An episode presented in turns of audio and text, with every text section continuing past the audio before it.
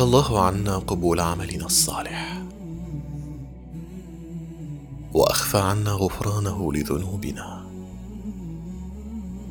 فكان حق الطائع الا يغتر. فلعله ما قبل منه. وحقه أن يتواضع للعاصي. فلعله مغفور له في معصيته. وكان حق العاصي الا يعجز عن إرداف السيئة الحسنة والاستغفار.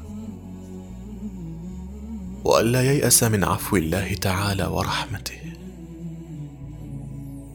فرب طائع بعيد عن الله.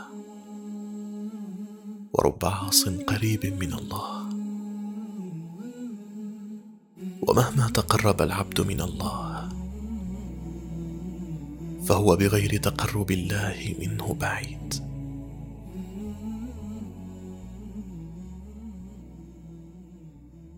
هذه الحقيقة الإسلامية الإيمانية. نسفناها عندما جعلنا مقياس تقسيم المجتمع إلى ملتزم ومتدين وغير متدين. أعمال ظاهرة. ليتها كانت من أصول الدين الكبرى المتفق عليها. بل من فروعه وخلافياته.